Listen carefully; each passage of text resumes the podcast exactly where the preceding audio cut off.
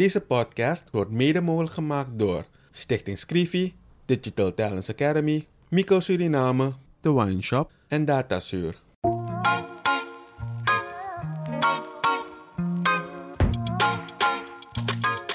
In een ontspannen sfeer praten journalist Kevin Hadley en challenger Vincent Kenswell met verschillende personen over de uitdagingen en de kansen van hun werkgebied. Samen proberen ze door oplossingsmodellen te bespreken positieve ontwikkelingen op gang te brengen.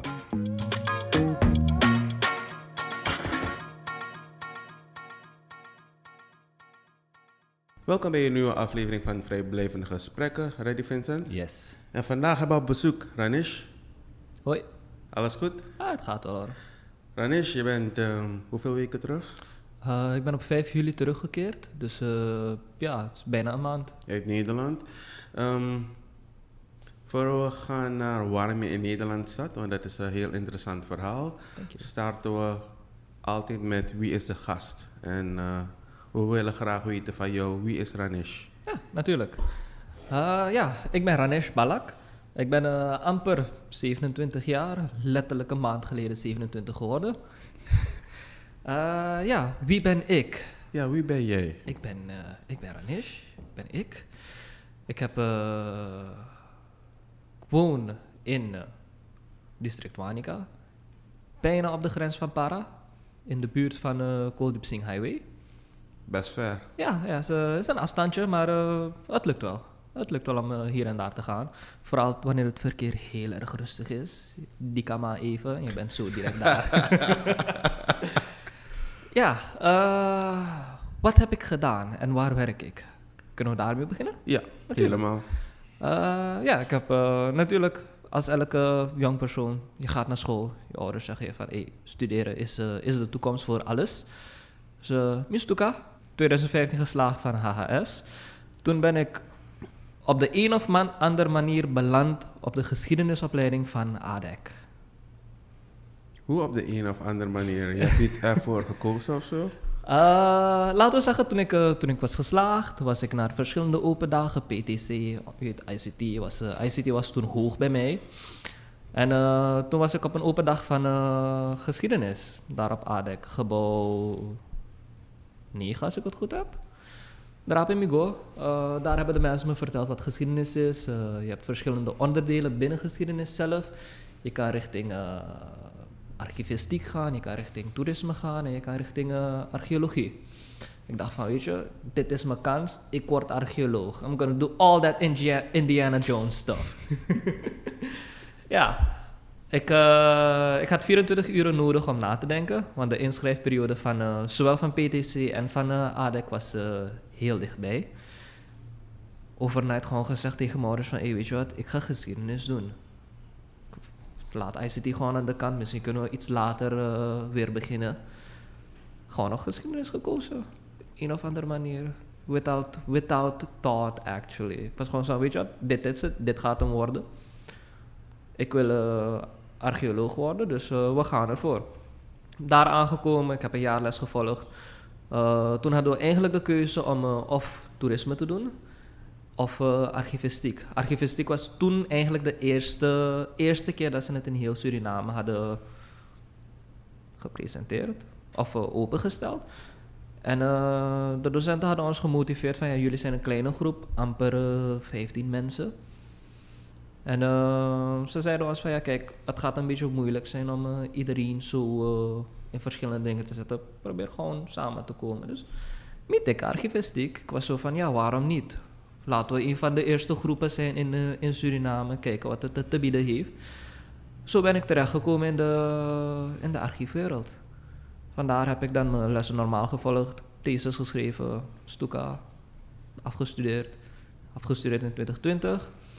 En uh, tijdens mijn studieperiode had ik ook uh, de kans gekregen om stage te lopen binnen het Nationaal Archief. Dat was in 2000. 18 als ik het goed heb. En een paar maanden later ja, moesten we, hadden we de kans gekregen om uh, te solliciteren. En uh, ik ging ervoor. Ja, directe baan. Ja, ja. Het, is, het is mijn eerste echte baan ooit geweest.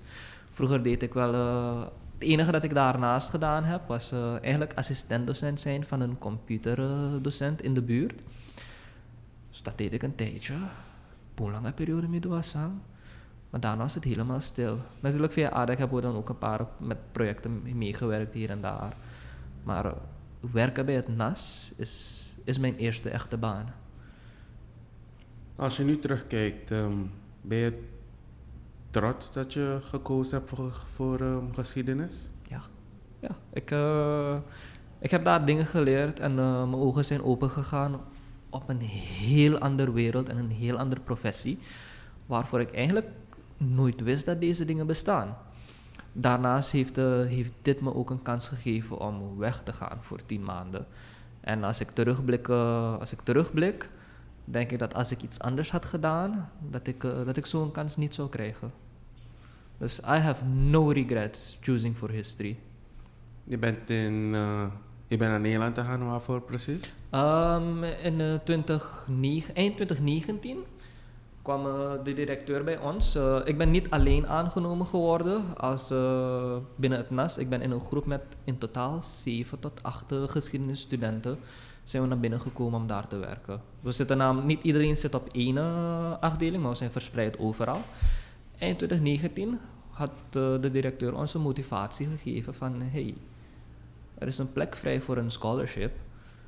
Wie van jullie kan als eerst afstuderen of wie van, wie van jullie kan als eerst een, uh, een conceptthesis indienen en uh, die persoon krijgt hem.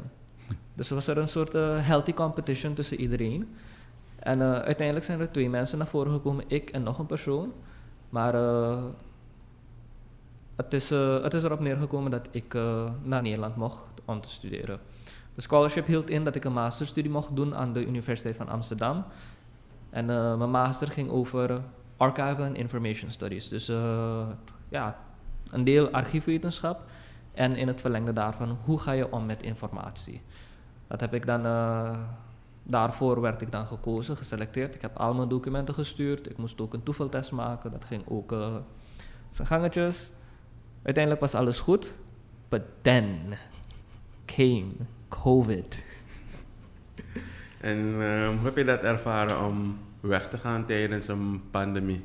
Uh, het was anders. Het was anders. Er was veel meer voorbereidend werk veel meer voorbereidend werk in de zin van je moest gevaccineerd zijn voordat je kon vertrekken. En uh, ik was, in het begin wilde ik mezelf nog niet vaccineren. Ik was zo van, weet je wat, I'm, a healthy person. I can, uh, I can survive this for a little while. Maar uh, toen ik zag van nee, je moet gevaccineerd zijn, heb ik, had ik mijn eerste prik genomen. Daarna mijn tweede, letterlijk twee weken voor vertrek. Want dat is de timeframe. Uh, voor vertrek moest ik ook uh, PCR-test doen, sneltest laten maken. Dus dat was ook een. Uh, dat is een hele procedure ja, nog. Begin, ja, begin COVID. Ja, begin toen je COVID. echt weg wilde gaan, dan ja. moest je een heleboel um, testen doen en een heleboel zaken in orde maken voordat je zelfs in de buurt van uh, Sanderij kon gaan. Kon gaan, precies, precies, precies. Dus dat was heel anders. Ik was, ik was, daarvoor was ik wel een één of twee keer in Nederland. Maar toen was ik nog klein, dus Mino Besapsa, Saipsa precies. Dit was echt mijn eerste introductie van... Ranesh, you're an adult now and you're gonna have to do things on your own. En zo gezegd, zo gedaan. Alles ging, niet alles ging even vlekkeloos. Natuurlijk, wanneer je voorbereidt, wanneer je dingetjes doet, ga je soms even een moment hebben waar je iets vergeet of waar je iets uh, langer over moet doen dan je had verwacht. Maar alles overal is heel erg goed gegaan. Is heel erg aangenaam gegaan. Toen, uh, toen ben ik vertrokken. Eind augustus, Miguel. Ik denk, uh, ik denk dat het op 30 augustus was hoor. Het was een, het was een maandag als ik het goed heb. Toen vroeg SLM nog. Sorry. true, true, true.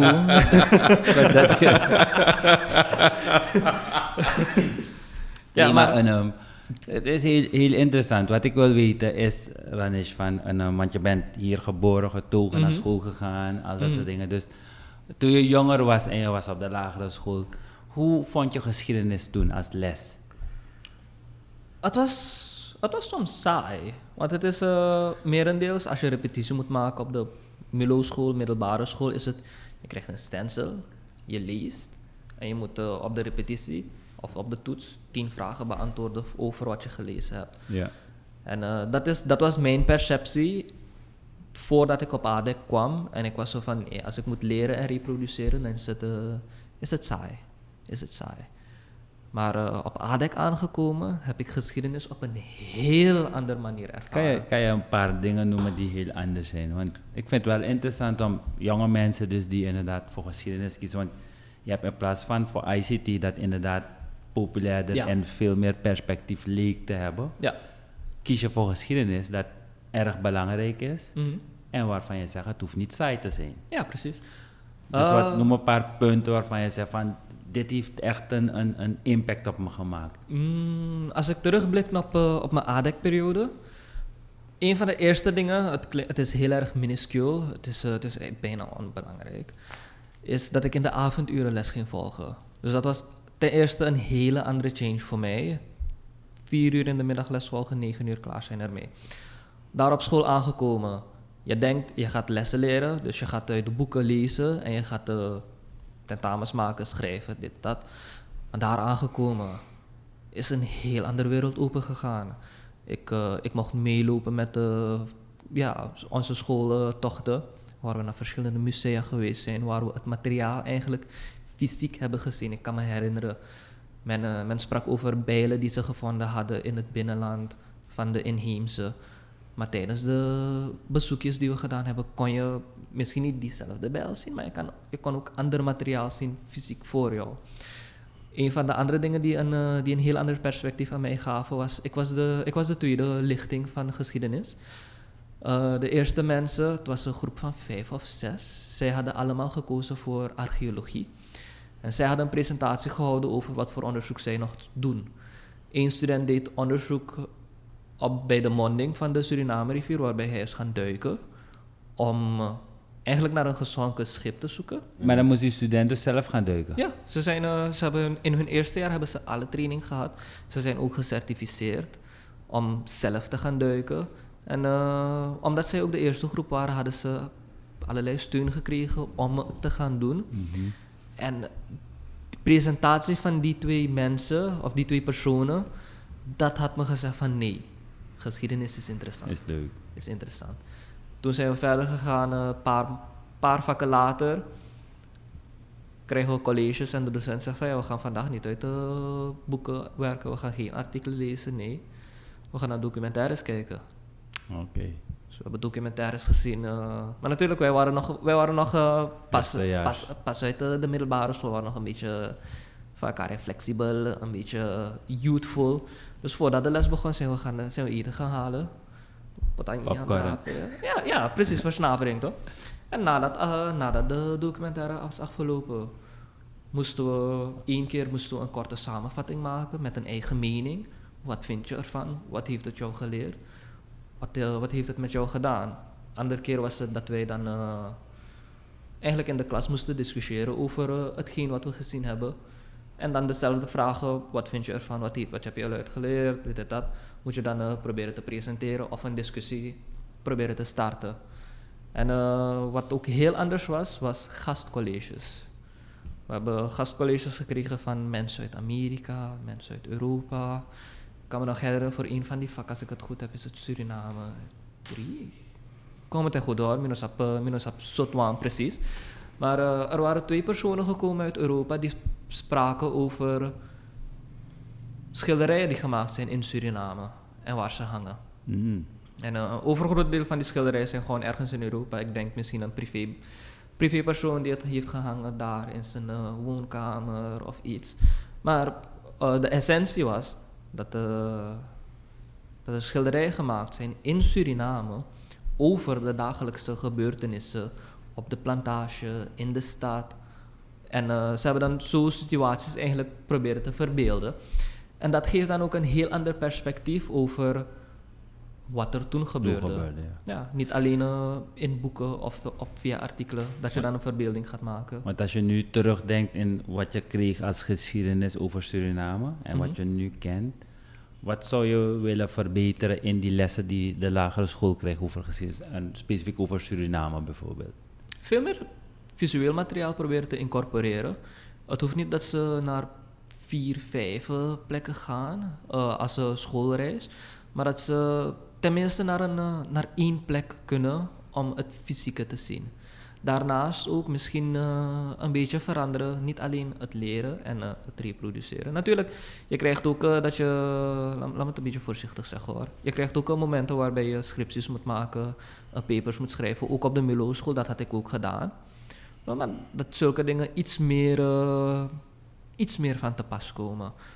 Want dat gaat je beeldvorming geven over het geschiedenis van Suriname. En dat gaat jou ook beter helpen vormen over verschillende meningen, verschillende situaties die gebeurd zijn, die kunnen gebeuren of die eigenlijk die je kan laten relateren van nu en toen. Want men zegt van om te weten waar we naartoe gaan, moet je weten van waar je komt, ja. geschiedenis en al dat soort dingen toch? Ja. Um, jij bent hier geboren, getogen, je hebt een bepaalde, land, je woont in Wanica, grens, para. Mm -hmm. Wat is de Kuldeep Singh Highway? Want je noemt de Kuldeep Singh Highway. No, dus uh, highway, gewoon. Oh, de highway? Highway gewoon. Okay. En dan maar in de buurt van Kulupsing, Ja, ik woon oh. in de buurt van Kuldiepsing. Oké, okay. ja. ja. Kulupsing Highway. Kuldiepsing Highway. Ja, dat zei dus ik moet er even weten.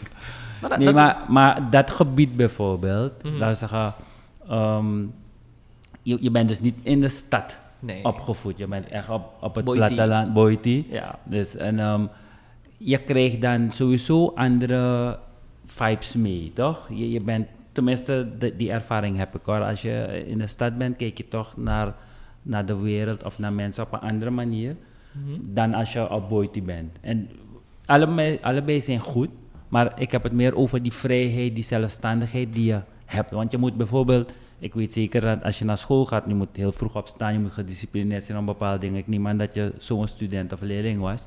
Mijn moeder was mijn, uh, mijn schoolhoofd op de lagere school. Oh, ja, het ging keus.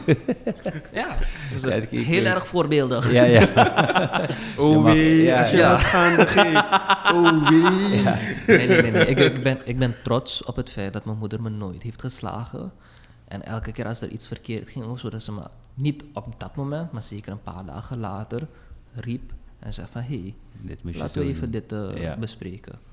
Ja, maar waar ik in, in principe een beetje naartoe wil gaan, is dat geschiedenis, zoals je dat nu omschrijft, kan een community, kan een volk, ja. toch, veel sterker maken. Ja. Dus als je gaat kijken nu naar hoe wij geschiedenis hebben geleerd, of tenminste in mijn tijd was het ook in buitboeken, mm. je leert het uit het hoofd, je krijgt een tien, want je kon het uit het hoofd leren, maar die verbanden leggen, zoals jij zegt van, oké, okay, je hebt bijvoorbeeld... Die verbanden want, leggen. Want, want nu weten we dat er voordat wij hier kwamen met ons allen, er in, in Heemse woonden, ja. die gewoon een community hadden. Ze hadden gereedschappen, ze hadden dit, ze hadden, weet je? Ja, ze hadden settlements hier. Set, settlements en belangrijke settlements, toch? Um, en, en het waren mensen mm -hmm. die gewoon leefden zoals wij dat ook hadden, die ook verdriet hadden, ook vreugde hadden, al dat soort zaken. Dat hebben wij in onze geschiedenisboeken niet op die manier gehad, toch? Nu zijn er, laten we zeggen, Surinamers die zelf geschiedenis doen. En ik ben blij te horen dat jullie echt ook in het veld gaan moeten duiken, dingen gaan zoeken, onderzoeken. Mm -hmm. uh, mijn vraag nu is van, um, en dat was die vraag ook meer dan wat moet veranderen en dat ding natuurlijk visueler. Maar zijn er elementen waarvan je zegt van oké, okay, deze elementen moeten wij gaan benadrukken zodat we een, voor Suriname een veel sterkere toekomst of mensen kunnen, kunnen opvoeden die inderdaad Suriname naar een ander niveau kunnen brengen. Mm -hmm. uh, je had net iets van de communities aangehaald, toch? Ja. Als, ik, uh, als ik even daarmee mag leiden. Uh, ja, we zijn, we zijn een land met verschillende gemeenschappen binnen onze grenzen. We zijn, we zijn een rijk land aan verschillende cultuur. En een van de methoden om eigenlijk het culturele aspect van Suriname te kunnen versterken, is om meer te kijken naar onze eigen communities. Van waar komen wij bijvoorbeeld van? Hoe is de Hindustan naar hier gekomen? Hoe is de Creool naar hier gekomen? Wat heeft bijvoorbeeld de Javanen, wat hebben zij gebracht? Wat is hun uh, ding? Zo zie je ook dat de verschillende van deze groepen eigenlijk culturele centra hebben. We kunnen bijvoorbeeld denken aan uh, Lalaroek Museum hier, NAX. We kunnen ook denken aan uh, Sanabudaya. precies. Dit zijn, uh, dit zijn culturele centra waar er iets te vinden is over ons eigen geschiedenis. Maar dat kan uh, verbeterd gaan worden door, in elk geval door meer onderzoek te gaan doen. Dus dat zou veranderen als wij meer mensen hadden die gespecificeerd gaan onderzoeken. Niet alleen algemeen, maar ook diepgaand. Bijvoorbeeld, er was een onderzoeker geweest hier die over het binnenland geschreven heeft. En uh, hij heeft specifiek twee tot drie groepen geselecteerd en is diepgaand informatie over die personen gaan zoeken en gaan schrijven. Dat wordt, uh, dat wordt overal gedaan. Er wordt uh, op verschillende wijzen over de verschillende bevolkingsgroepen onderzoek gedaan en gepubliceerd. Ik ben er blij mee. Het, is, het geeft ons een, een houvast over onze eigen identiteit. Maar ik denk dat we ook specifieker moeten gaan kijken. Bijvoorbeeld niet alleen kijken naar wie de gemeenschap is, maar wat zijn de verschillende elementen binnen deze gemeenschappen. Bijvoorbeeld wat voor rol heeft godsdienst in, in zo'n cultuur? Wat voor rol heeft klederdracht in zo'n cultuur? Dat er dan specifiek meer daarop gefocust wordt. Op de bachelorniveau ken ik wel een student die bijvoorbeeld heel kort onderzoek had gedaan over geboorte- en doodrituelen bij de Javanen. Dus dat is één aspect. En als er op zulke dingetjes verder een focus gelegd wordt, kunnen we elkaars cultuur beter begrijpen. En sterker worden, ja. En dat kan ertoe leiden dat wij gemeenschappelijke dingen kunnen identificeren. Oh, wacht even, bij mij gebeurt het, gebeurt het ook zo. Maar misschien op een andere manier. Ja. Dan kunnen we ideetjes uitwisselen hierover. En dit gaat ons samenbrengen. Het leuke van de geschiedenis bij mij is geweest dat ik het ook heel saai vond. Je moest jaartallen uit het hoofd mhm. kennen. Je moest kunnen vertellen wat daar is gebeurd. Maar je eigen mening vormen had je niet toen. En het is gewoon saai. Maar het leuke van de geschiedenis nu is, door de technologie, doordat bijvoorbeeld mensen op een gegeven moment besloten documentaires te maken. Mhm. Nu heb je ook hele interessante interactieve websites. Als je erop gaat, dat je eigenlijk bijna een reis maakt in de tijd. Je hebt Canon van Nederland, waar als je op die site gaat, je echt gewoon een reis maakt van de verschillende ontwikkelingen van Nederland. En ik ben zo blij dat ze Anton de Kom erin hebben verwerkt, waardoor het ook voor ons een, een, een, site, een site is waar je trots op kan zijn, die binding precies. Mhm. Ik vind dat we ook daar naartoe moeten gaan als Suriname, omdat het belangrijk is um, om te weten waar je vandaan komt, maar wat je ook net hebt gezegd, die verbindingen leggen met elkaar. Want ik vind nog steeds dat we als land te veel langs elkaar leven. En lopen langs elkaar leven. En dat we nog niet zoveel begrijpen van elkaars cultuur. We weten wel dat je van een soep kan maken. Die mhm. simpele elementen weten we wel. Maar die diepgaande, daar moeten we nog veel meer uithalen. Ook de band van de inheemse en de Marons. Want toen de Marons naar het bos vluchtten, gingen ze bij de inheemse, die hebben hun geholpen, hen ondersteund met kennis, met, met eten, met, met, met huisvesting toen der tijd. Maar er is heel weinig daarover bekend.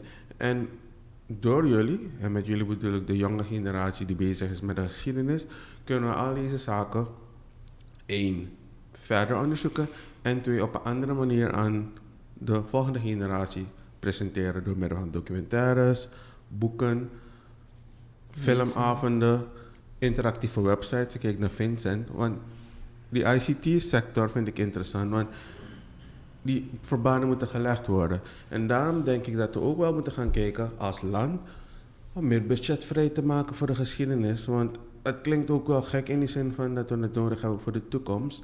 Maar je merkt gewoon ook hoeveel er wordt gedaan met de geschiedenis in andere landen. Dat er zoveel producties worden gemaakt. En als bijvoorbeeld iemand komt te overlijden die een heel belangrijke persoon is geweest voor het land, dat je plotseling ziet van wow, dat heeft de persoon allemaal gedaan, dat heeft de persoon allemaal betekend. En ik vind het jammer dat jongeren van ons niet zoveel weten over bijvoorbeeld Jopie Pengel, of niet echt veel weten over wie um, Henk Aron was, of zelfs niet eens weten wie Lashman meer was en wat hij heeft gedaan in die verbroederingspolitiek. Hmm. En dat zij eigenlijk, wilde, zij eigenlijk vochten voor, een nazi, voor natievorming en dat we er nog niet zijn en misschien waarom we er nog niet zijn. Dus ik, ik wil bijna zeggen, je hebt een hele zware taak op je, op je genomen om aan deze zaken te werken. Ja, uh, daarom is eigenlijk de geschiedenisopleiding ook gestart.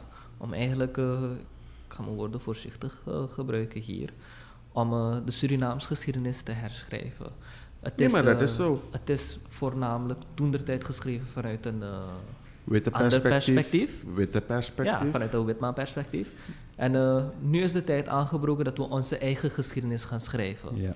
Er zijn personen geweest hier, ze zijn, er, ze zijn er nog steeds, die aan de hand van uh, romans en leuke verhalen. Ja, precies. Dat zij hun de verhalen uit de archieven weghalen en dan zo proberen te presenteren. Er zijn andere personen die echt onderzoek gaan doen over hetgeen dat gebeurd is en dan facts schrijven van nee. Misschien is het hier verbloemd geschreven geworden, maar dit is, dit is gebeurd. Laat me denken aan uh, weet hij, dat verhaal van Tetri. waarbij er wordt gezegd van, ja, dat die persoon een vanuit de archieven bekeken dat die persoon een belhamer was, dat hij onrustig was, dat hij dit was, dat hij zo was. Maar vanuit een uh, ander perspectief bekeken kan je ook zeggen dat die persoon in opstand kwam. Ja. Het is hetzelfde als uh, het verhaal van uh, Baron Boni en Jules Keur. Ja. Ook Mentor en Present. Present, precies. Precies, ja. ze, hebben, ze waren brandstichters vroeger, ze waren terroristen.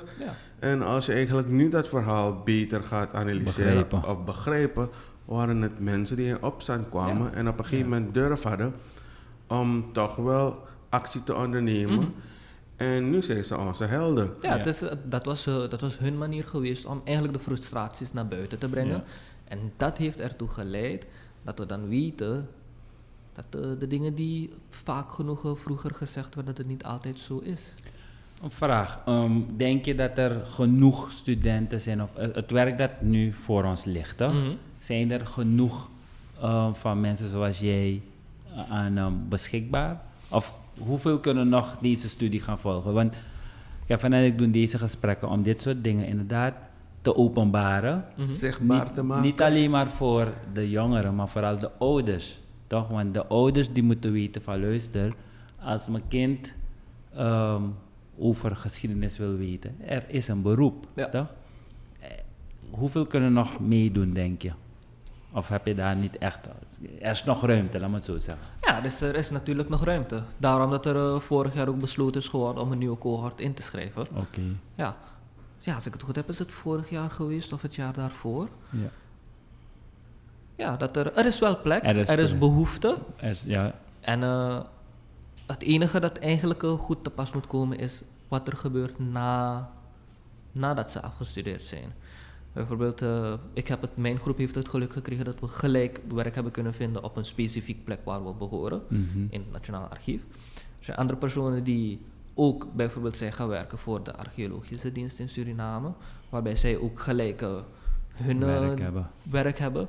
Dus, maar ik denk bijvoorbeeld aan opleiding, want daarom zeg ik bijvoorbeeld de geschiedenisopleiding, die moet ge hervormd worden of anders. Dus jullie kunnen daar ook een rol in vervullen, toch? Zeker. Ja, sowieso. En, en, um, maar nu even terug, want je was tien maanden in Nederland voor een scholarship. Ja. Vertel daar een beetje over, want dat kan ook uh, motiverend zijn voor anderen, toch?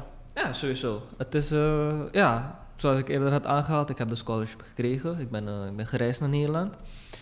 Het was, het was een studie in Archival and Information Studies. Wat heb ik daar geleerd?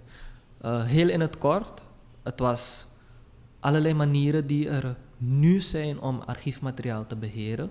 Hoe kan je archiefmateriaal beheren en wat kan je met archiefmateriaal doen?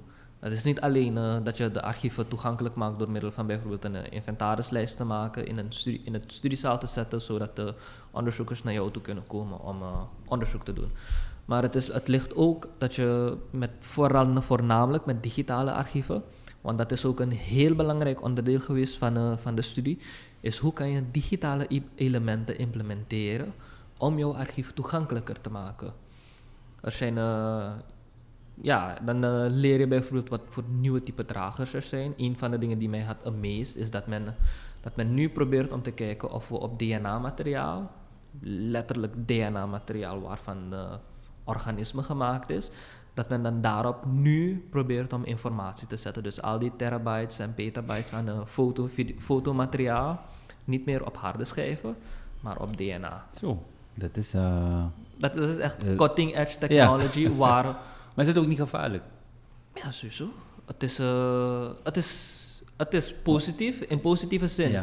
Heeft het minder, neemt het minder fysieke ruimte in beslag. Oh, maar omdat het cutting edge technology is, is men nog niet helemaal zeker wat de longevity ervan zal zijn. Kan, het, uh, kan het nog op dezelfde manier behouden worden over 50 jaar, over 100 jaar?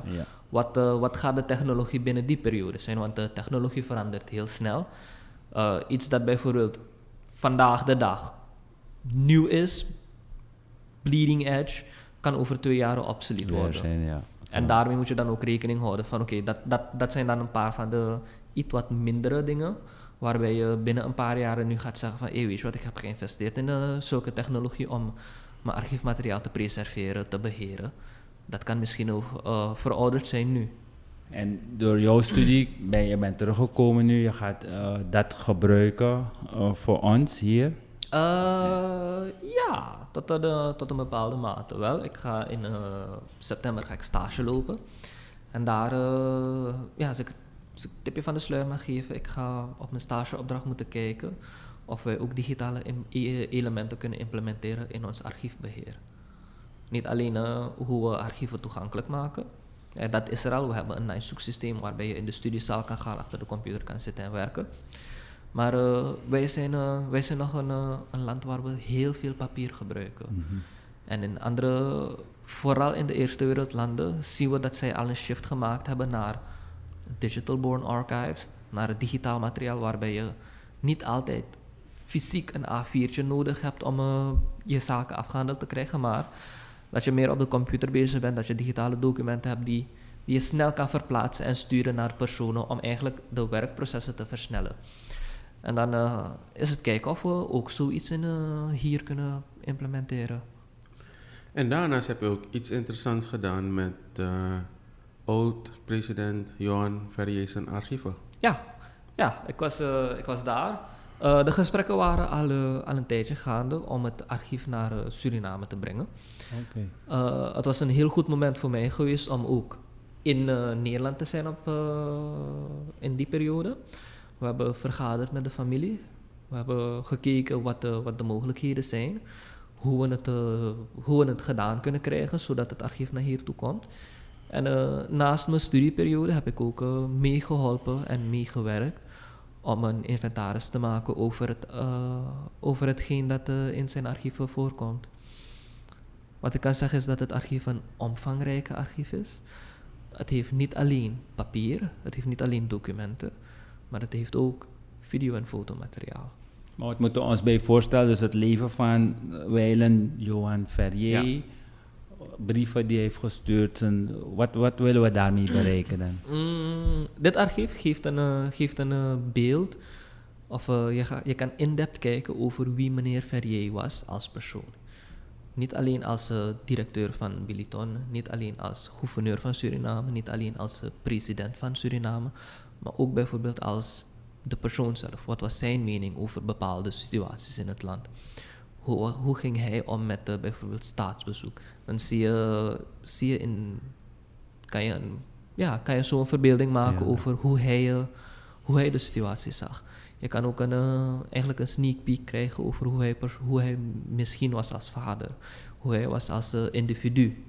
Ja, ja, En dat, it, it, in het Engels zeg je het vaak, it humanizes the person. Ja, ja, Je, het is iemand van, het is iemand heel belangrijk voor de Surinaamse geschiedenis. Klopt. Hij is, is, one of the most important families of our country. En je ziet dan, oké, okay, wacht even, alhoewel hij heel erg belangrijk was, is nog steeds, zie je ook van, hé, hey, hij, is ook, hij is ook mens. En dat zie je een beetje terug in de archieven. Maar uh, ik ben niet echt in details gaan kijken wat de dingetjes precies zijn. Ik heb een taak gekregen, ik ben me gaan focussen daarop. Als ik even een moment had, dan even een beetje doorbladeren, kijken wat er is. Maar uh, over, voornamelijk was het echt een inventaris maken over wat, wat er is aan materiaal. En als zo'n archief naar Suriname komt, betekent het voor onze gemeenschap dat we sneller informatie kunnen krijgen, zodat we een beeld kunnen vormen om wat, wat willen we ermee bereiken? Want misschien uh, vanuit jouw perspectief, wat zou het voor Suriname, want inderdaad, je noemt daar een aantal dingen. Mm -hmm. Wanneer het genoemd wordt, dan realiseer je, inderdaad, het is een belangrijke persoon voor Suriname in de geschiedenis, de familie. Um, wie is het, zodat als we dat beeld hebben, we waarschijnlijk ook um, ja, toch een beetje met meer trots naar hem kunnen kijken. kijken. Maar ook kunnen leren van hem, toch? Ja. Want hoe hij bepaalde situaties moest kunnen aanpakken. En ongetwijfeld komen. Maar ook voor misschien toekomstige andere zaken, andere leiders die er komen of zijn, dat we ook op die manier kijken als Surinaamse gemeenschap. Dus kan je een beetje toch aangeven van um, wat kunnen we verwachten van het NAS de komende tijd? Kunnen we jongeren inspireren om inderdaad een bezoekje te brengen? Weet je? Het archief is uh, altijd open van maandag tot en met vrijdag, uh, 7 tot 3. Eigenlijk 7 tot half 3, want de studiezaal is tot half 3 open. Uh, wat kan het, het archief van Johan Ferrier betekenen voor de toekomst? Ja. Dat, is, dat is de vraag. Ja. voor de toekomst zeg ik, het kan mensen inspireren om te kijken naar hoe hij, hoe hij dacht over bepaalde situaties. Um, in het ja, hij heeft, uh, hij heeft journalen geschreven. Het zijn agenda's waarin hij zijn dagelijkse dingen had uh, opgenoemd. Dat, uh, dat geeft een beeld over hoe hij, hoe hij zijn dag ging vullen. Het geeft een beeld met, met welke type mensen hij omgaat, wat voor bezoekjes hij bracht. Dat kan, dat kan een beeld geven over hoe toegankelijk Suriname was vanaf het punt dat, we, dat we bijvoorbeeld onafhankelijk waren. Wat voor, het klinkt misschien een beetje gek, maar zijn, uh, je kan ook zien, hey, wacht even, deze, zo'n land heeft uh, ons gelijk een uh, briefje gestuurd ter ondersteuning van dit. Of, of zo'n familie heeft ook zijn steun gegeven aan de persoon. Of ja, dus dat, dat je zulke zaken, dingen ja. ziet. En dit, geeft dan, dit is dan eigenlijk een beetje op een ander niveau kijken ja, ja, naar... Ontwikkeling. Of tenminste groei van een natie. Ja, precies. precies. Het, geeft, het geeft ook een beter beeld over het reilen en zeilen. Mm -hmm. Er zijn geen officiële documenten. Er zijn wel uh, minuten, minuutbesluiten, waar je een beeld kan krijgen over uh, bijvoorbeeld. Ik kan me, kan me herinneren, er was een foto daar van, uh, van hem en de koningin. Er was weer een foto van hem en op Dam Square. Toch? Dat, geeft, dat geeft een beeld over hoe hij omging. Wat voor steun hij had aan de verschillende mensen. Ja. En dat is, uh, dat is iets die je dan kan onderzoeken. Bijvoorbeeld, iemand kan een peiling maken over hey, hoe waren leiders ge, hoe werden zij, how were leaders perceived in a certain time frame. Ja. Dan kan je aan de hand van zulke archieven kijken, oké, okay, was hij geliefd, was hij niet geliefd? Hoeveel steun kreeg hij, kreeg hij van de masses, van de personen? Of uh, was het iets minder? Waren er mensen tegen hem? Waren er mensen voor hem? Dat kan je dan ook een beetje zien in uh, zulke archieven. Niet per se alleen in zijn archief. Maar dat je ook bijvoorbeeld ook kan kijken naar krantenmateriaal en dan zo gaat kunnen vergelijken over, uh, over bepaalde situaties. En zo kunnen we dus onze geschiedenis op een andere manier bekijken en wat we noemen herschrijven voor ja, onze... Volgens ons eigen perspectief. Perspectief, waardoor we dus een sterkere natie worden. Want ik denk dat wat Suriname nu nodig heeft, zijn inderdaad mensen die inderdaad uh, Suriname omarmen. Ja. Want uh, we worden opgevoed met een ander beeld. ja, toch vaak hoor je van ja, um, zonder dit of dat gaan we toch niet vooruitkomen.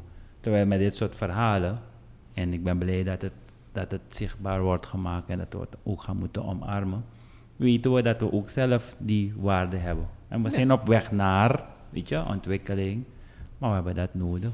Bedankt in elk geval en uh, heel veel succes. Thank you.